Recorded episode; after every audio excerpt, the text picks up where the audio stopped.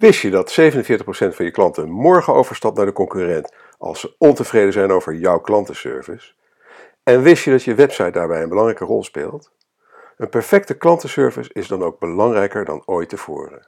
Deze podcast verscheen overigens oorspronkelijk op 2 oktober 2014, maar ik heb hem up-to-date gebracht met nieuwe statistieken en inhoudelijke aanpassingen. Maar nu wens ik je eerst een hele goede morgen, goede middag, goede avond of goede nacht, want wanneer je ook luistert, ik vind het heel bijzonder dat je jouw kostbare tijd de komende minuten met mij wilt delen om te luisteren naar mijn podcast van deze week met de titel De klant centraal, nu echt. Mijn naam is Erik van Hal, oprichter van CopyRobin, een dienst waarmee je altijd over een copyright kunt beschikken voor een bescheiden vast bedrag per maand. En natuurlijk oprichter van MediaWeb, het internetbureau uit Noordwijk dat zich specialiseert in responsive webdesign en e-commerce. Voor afspraken later op de dag kunt u ons tussen 8 en 9 uur s morgens bellen. Gek werd ik ervan. Ik wil gewoon tijdens kantooruren kunnen bellen om een afspraak te maken op het moment dat het mij uitkomt. Ook al is dat volgende week. Maar mijn huisartsenpraktijk vindt blijkbaar dat ik me maar moet voegen naar hun interne procedures. Ik kan, als ik mijn huisarts wil spreken, alleen gebruik maken van het inloopspreekuur tussen 8 en 9 uur s morgens. Daar heb ik gezien de gemiddelde wachttijd van 45 tot 60 minuten geen zin in. Alternatief kan ik in dat vroege datzelfde vroege uur telefonisch een afspraak maken voor een later tijdstip, uitsluitend op precies dezelfde dag. Dezelfde dag. Nou, voor mij was het reden om naar een andere huisartsenpraktijk over te stappen, ondanks dat ik mijn huisarts zelf heel aardig en kundig vond. Wat was hier aan de hand? Mijn vorige huisartsenpraktijk maakte van een eigen proces het probleem van de klant. Herkenbaar? we zien het ook bij veel websites. Denk aan het invullen van webformulieren die zijn opgezet hoe het bedrijf het in de database wil hebben, in plaats van hoe een klant het formulier zou willen invullen.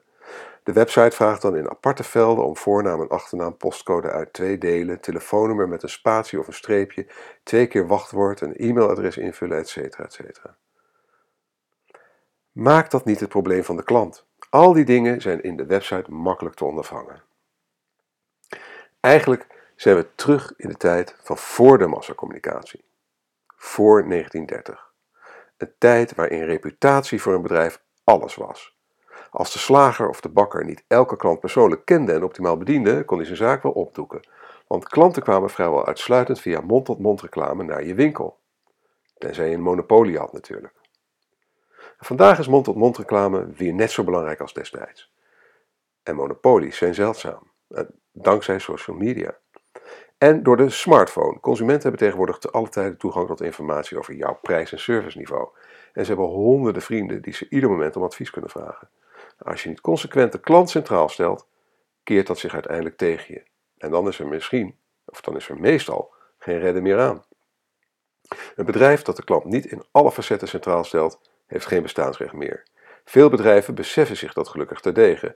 En daarom voorspelt Gardner link in de blogpost, dat tegen 2017 50% van de investeringen in consumentenproducten zich zal richten op innovaties van de klantervaring.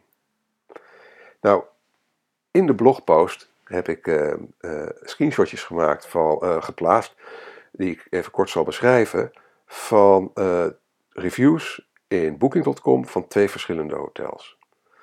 Het ene hotel heeft een score van een 9,9, wat natuurlijk extreem hoog is. En allemaal lyrische teksten erbij van, eh, van gasten van het hotel.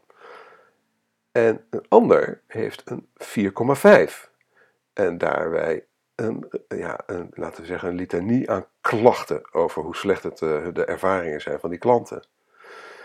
Ja, welk bedrijf denk je dat over een paar jaar nog bestaat? Welke van die twee hotels? Consumenten hebben namelijk tegenwoordig een wereldwijd platform om te klagen. En dat blijkt uit die voorbeelden die ik net gaf van Booking.com. Daaruit blijkt dat de macht van de consument tegenwoordig gigantisch is. En vroeger klaagden mensen over slechte service tegen hun vrienden en kennissen in de kroeg en op een verjaarspartijtje. Nou, en daar komt nog eens bij, hè, en, maar tegenwoordig dus op een wereldwijd platform. En daar komt nog bij dat 67% van de klanten een slechte klantervaring opgeeft als reden om geen zaken meer te doen met een bedrijf.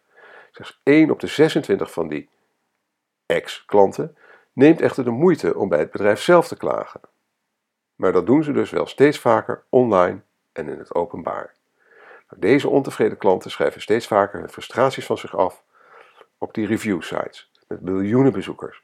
Nou, als jouw bedrijf veel slechte reviews krijgt, is dat het begin van het einde. En dat einde kan heel snel komen, want je consument is slecht, want je concurrent is slechts één klik verwijderd. Heb je online geen goede reputatie, dan klikken de klanten snel door naar een ander met een beter imago. Maar veel bedrijven die door slechte reviews worden getroffen, tussen aanhalingstekens, geven de schuld aan de boodschapper. Ze verwijten reviewsites dat ze hen schade berokkenen. Ze vragen aan social media experts hoe ze goede reviews kunnen krijgen. Ze schakelen soms zelfs derden in om valse reviews te schrijven. En wat ze daarbij helaas vergeten is de echte oorzaak aan te pakken: hun slechte service. En de enige manier om langdurig en consequent een goede reputatie online op te bouwen is door de klant altijd centraal te stellen, zowel online als offline. En daar komt bij dat klanten vandaag minder loyaal zijn dan vroeger. Doordat ze tegenwoordig altijd en overal beschikken over een zee aan informatie over jou en je concurrenten, moet je voor elke herhaalopdracht weer je stinkende best doen. Gelukkig loont het wel om je bestaande klanten steeds in de watten te leggen. Nieuwe klanten werven is nog altijd veel kostbaarder dan bestaande klanten vasthouden. En daar waar het met slechte reviews hard de verkeerde kant op kan gaan, is een goede online reputatie juist een aanjager van groei. Zo hard als klanten bedrijven met een slechte reputatie vermijden, zo snel komen ze af op bedrijven met een goed imago. Jouw tevreden klanten zijn je beste ambassadeurs. De beste marketingmachine die je ooit zult hebben.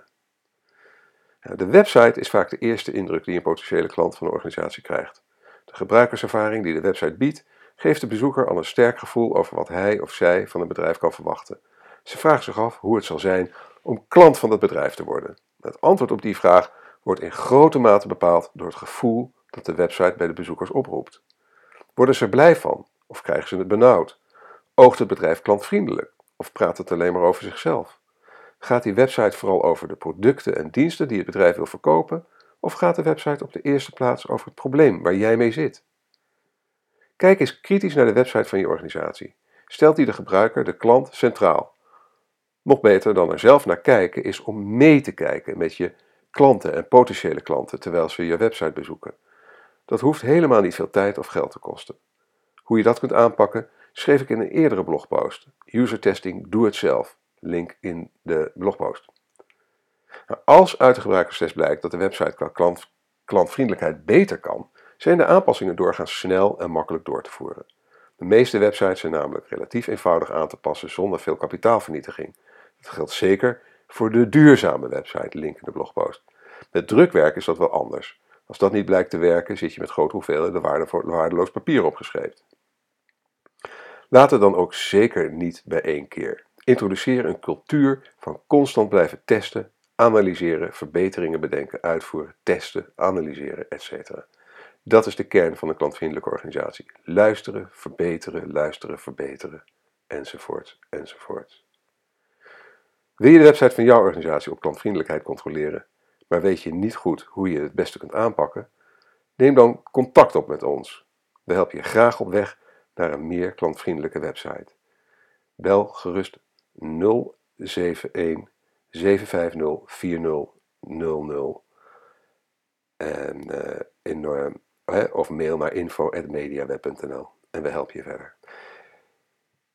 Nou, dat was mijn blogpost, uh, mijn blogpost, mijn podcast van deze week. En uh, bedankt voor het luisteren. Als je, elk, als je graag elke week een notificatie wilt ontvangen met een onderwerp van de blogpost en de podcast, schrijf je erin op onze nieuwsbrief via bit.ly slash nieuwsbrief. Je kunt dan bovendien gratis deel 1 van mijn e-book Online Marketing Checklist en nog een aantal andere fraaie goodies downloaden. Als je met plezier hebt geluisterd en je bent nog niet geabonneerd op deze podcast, abonneer je dan via iTunes of Soundcloud. En als je vindt dat andere online marketeers en entrepreneurs naar deze podcast zouden moeten luisteren, laat dan een review achter bij iTunes of SoundCloud en deel deze podcast met je sociale netwerken. Je, zult ook deelnemen, je kunt ook deelnemen aan de conversatie over dit onderwerp door een reactie achter te laten onder de blogpost op onze website mediaweb.nl. Nogmaals, heel erg bedankt voor je aandacht en je tijd en tot de volgende keer.